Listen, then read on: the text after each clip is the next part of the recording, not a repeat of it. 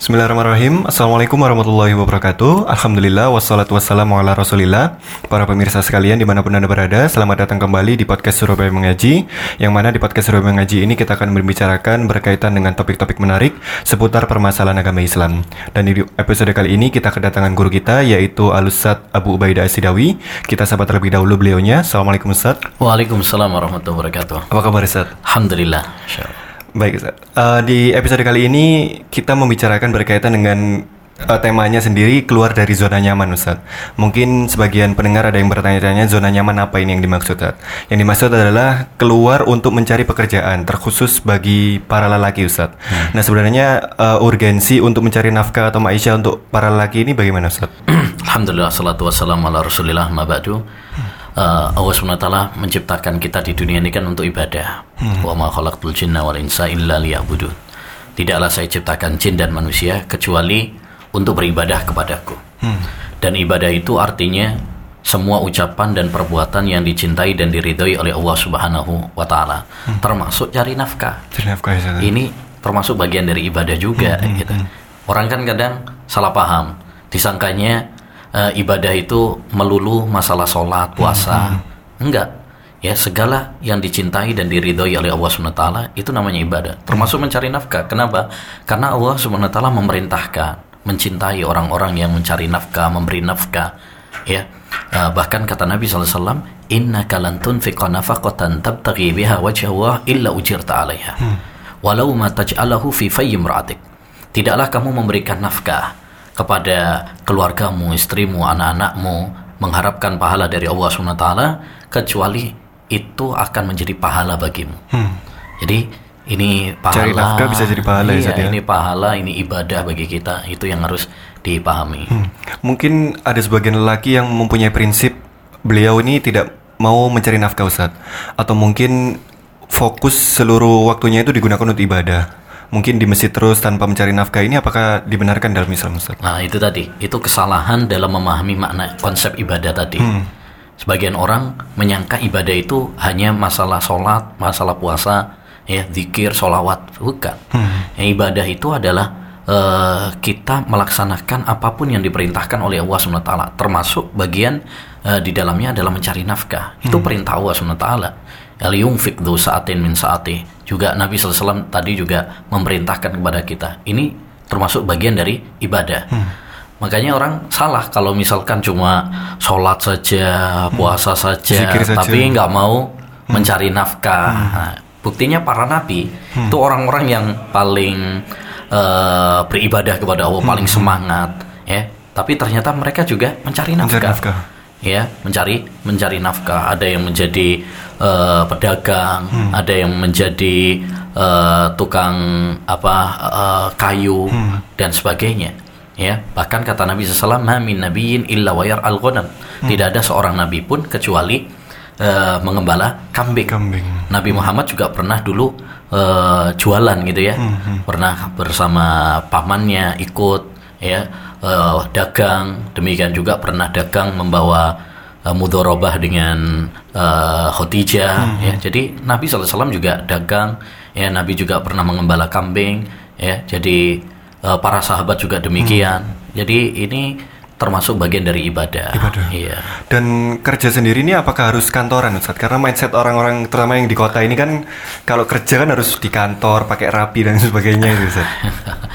Enggak Uh, jadi uh, ini kan soal dunia ya mas hmm, ya. Hmm. Soal dunia itu kan uh, Islam alhamdulillah Islam itu membebaskan kita. Hmm. Yang penting pokoknya halal. Hmm. Nggak harus kantoran. Zaman Nabi juga ya dulu uh, nggak mesti kantoran. ada yang uh, penjahit, hmm. ada yang dagang, ada yang tukang roti, hmm. ada yang petani, ya. Makanya Uh, kalau kita lihat bahkan ulama-ulama salaf dulu hmm. mereka punya gelar-gelar yang menunjukkan profesi mereka. Ada yang al khoyat penjahit, hmm. ada al khobas tukang roti, ada al hadza tukang sepatu. Hmm. Itu satu menunjukkan kepada kita bahwasanya para ulama kita dulu pekerja, pekerja bukan pemalas, hmm, hmm. ya bukan apa istilahnya sekarang pengacara ya pengangguran pengangguran banyak acara terus yang kedua juga menunjukkan bahwa profesi mereka ternyata beda-beda. Ada yang jadi ini ada yang jadi itu. Karena memang hukum asalnya boleh gitu. Kata Nabi antum a'lamu bi umuri dunyakum kalian lebih tahu tentang urusan dunia kalian. Jadi kalau untuk urusan dunia eh, terserah saja. Yang penting eh, profesi tersebut pekerjaan tersebut halal. Tidak melanggar syariat. Syariat. mau jadi pedagang mau jadi petani mau jadi eh, kantoran selama halal percuma kan kantoran tapi ternyata Riba. riba Iya, misalkan. Ustaz. nah, mendingan jadi petani yang halal atau pedagang yang halal yang diberkahi oleh Allah SWT nggak melanggar syariat daripada orang kelihatannya necis tapi ternyata eh, melanggar syariat. Syariat. Jadi patokannya bukan kantoran atau tidak kantoran, patokannya adalah eh, pekerjaan tersebut, profesi tersebut eh, Halal atau tidak, halal ya, atau tidak. Itu yang paling penting. Dan dari beberapa banyak profesi dalam Islam sebenarnya pekerjaan yang terbaik itu apa Ustaz?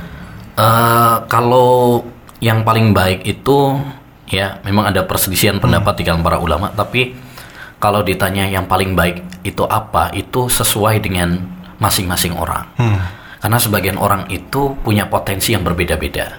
Ada yang potensinya nih jadi pedagang. Wah ini cocok nih jadi pedagang. Pinter dia bisnis. Ada yang nggak cocok dia. Jadi peda- jadi pedagang dia malu untuk nawarin. Mental sebagai pedagang nggak ada cocoknya jadi petani. Jadi kecenderungan orang beda-beda. Maka apa yang paling baik? Yang paling baik adalah yang sesuai dengan potensinya masing-masing. Kalau dia potensinya jadi petani ya berarti itu lebih baik bagi dia.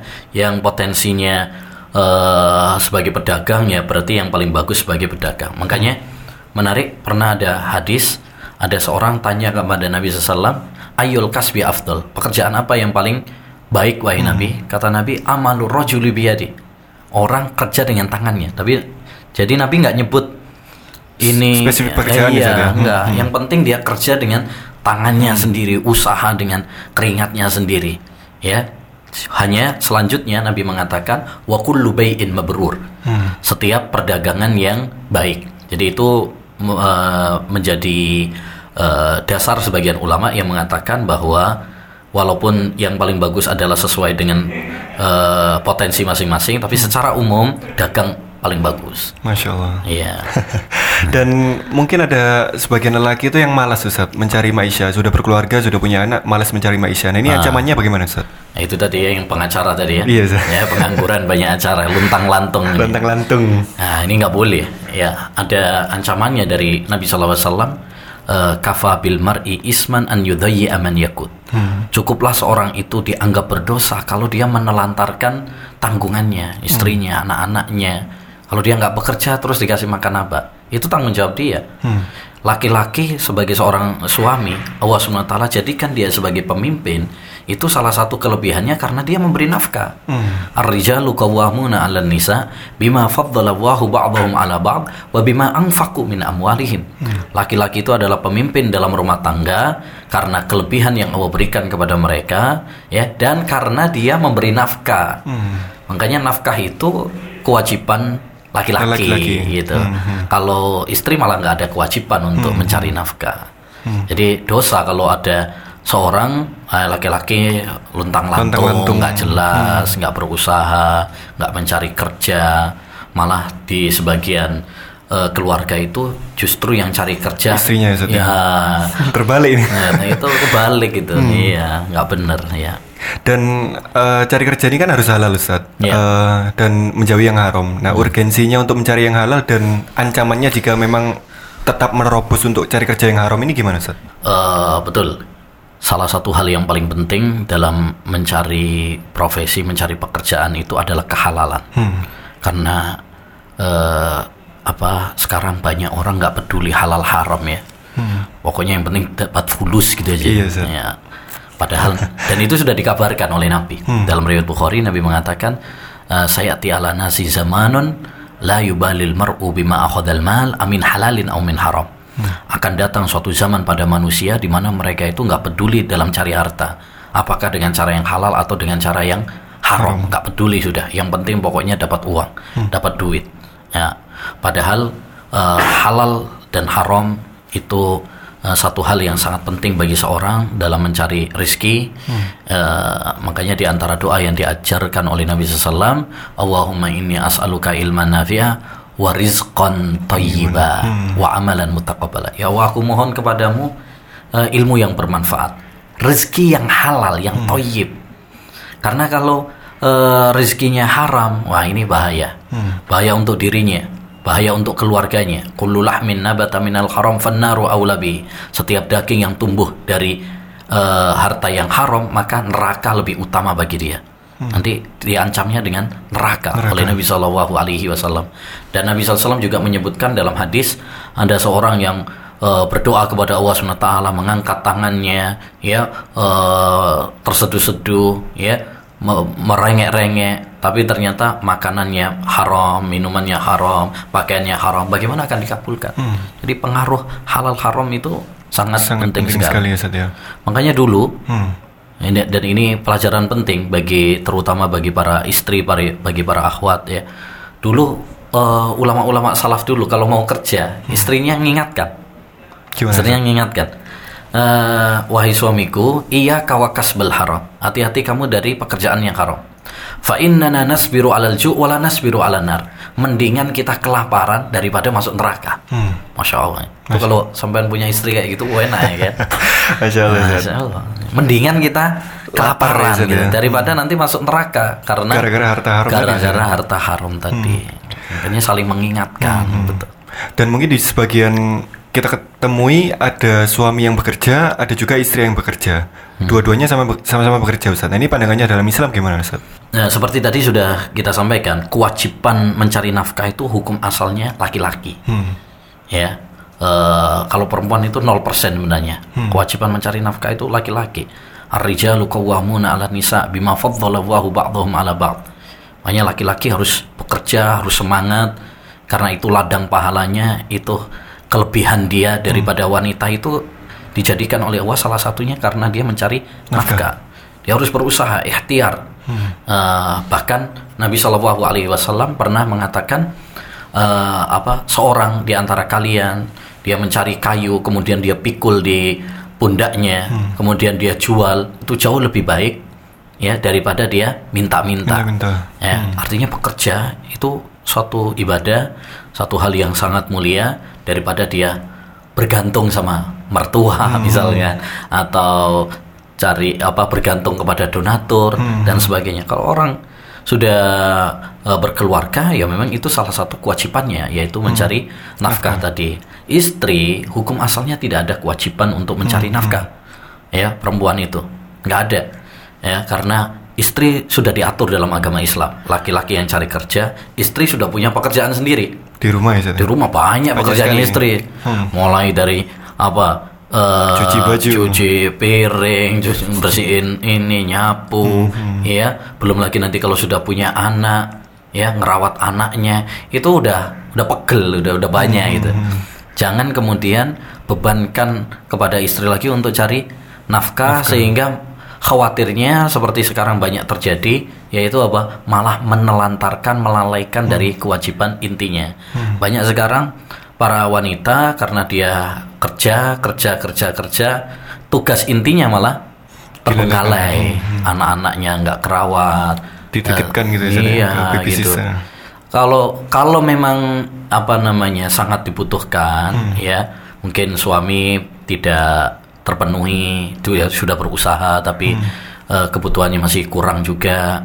Eh apa namanya boleh bagi seorang istri untuk bantu itu boleh. Bukan haram secara mutlak juga. Asalkan eh, apa namanya memang sangat dibutuhkan. Kemudian kalau bisa dia kerjanya di rumah saja kan bisa. Maksudnya Online maksudnya? Jualan online, online. jual online jahit Iya, bikin Ustaz. jajan misalkan. kalau bisa jangan keluar. Supaya apa? Kewajiban inti dia tugas inti dia itu tidak terbengkalai. Kalaupun memang eh, harus keluar misalkan maka secukupnya saja.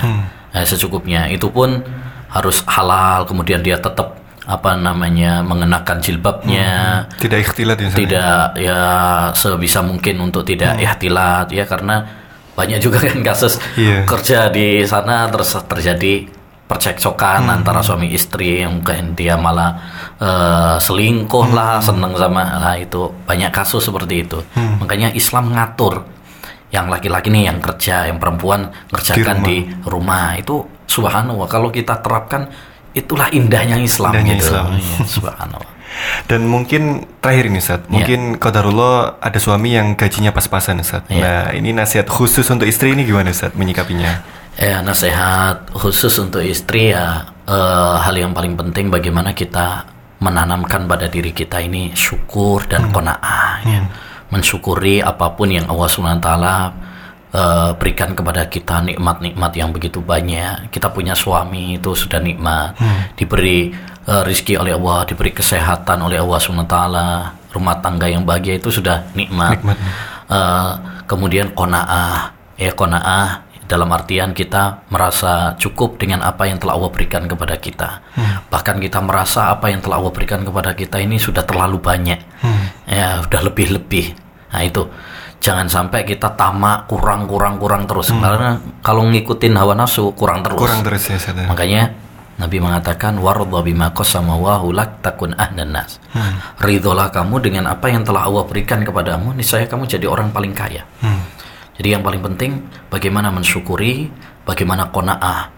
Karena salah satu sebab faktor wanita banyak masuk neraka itu salah satunya kan adalah karena suka menge- mengeluh, suka mengingkari kebaikan-kebaikan suami. Suaminya udah montang-manting, sudah banting tulang, sampai remuk semuanya tulangnya. Eh tapi ternyata ah gajinya cuma segini aja gitu ya. Pulang-pulang ini nggak ada, nah, tidak tidak tidak bersyukur, kepada Allah SWT. Ini yang salah satu penyebab wanita itu banyak masuk Neraka. neraka. Nah, jangan sampai eh, kita sebagai seorang istri seperti itu. Kita harus ingat juga masih banyak orang lebih melarat daripada kita. Hmm. Makanya itu salah satu wasiat penting juga. Nabi SAW mengatakan, Unduru ilaman huwa asfala minkum. Lihatlah orang yang lebih melarat. Kalau kita kurang bersyukur, lihat orang yang lebih melarat. Banyak orang yang lebih melarat daripada kita. Nah, kalau dengan kita melihat seperti itu, kita jadi orang yang bersyukur. Bersyukur Ustaz ya. Iya. Oh, ternyata banyak ya orang yang untuk makan aja susah. Apalagi corona seperti ini ya. Iya. Banyak segar, eh, banyak yang eh, hutang sana, hutang sini untuk makan aja susah. Lah kita misalkan udah bisa makan tiga kali tanpa utang itu sudah harus di Syukuri. syukuri gitu. Nah, kadang kan kita ini kurang syukurnya. Betul kata Allah, wa qalilum min ibadiyas syakur. Jarang sekali di antara hambaku yang bersyukur. Jadi intinya kalau suami yang penting sudah berusaha, dia bekerja bukan pengacara tadi gitu ya. Tapi eh, dia Benar-benar sudah ya, berusaha, Zat, ya? benar sudah berusaha ya. Kita harus motivasi ya. nggak apa-apa mas, ya, walaupun sedikit yang penting barokah. Itu seneng kan suami juga seneng gitu Besoknya lebih semangat ya. semangat lagi ya doain deh gitu ya nah tapi kalau eh, tidak dihargai sama istri ya ini akhirnya ya suami juga males akhirnya Males ya, ya. iya tapi pengaruh istri itu besar sekali Hmm, hmm. ya pengaruh istri besar sekali makanya penting sekali peran seorang istri dalam memberi motivasi Hmm. mengingatkan suami itu penting sekali Siap. Baik, kiranya cukup Zat obrolan kita Masya berkaitan dengan eh, urgensinya mencari nafkah bagi para lelaki. Jazakallah khairan. Baik eh, untuk para pendengar sekalian, insya Allah kita bertemu di episode berikutnya. Kita tutup podcast ini dengan doa kafaratul majelis. Subhanakallahumma wa bihamdika asyhadu an la ilaha illa anta astaghfiruka wa atubu ilaik. Wassalamualaikum warahmatullahi wabarakatuh.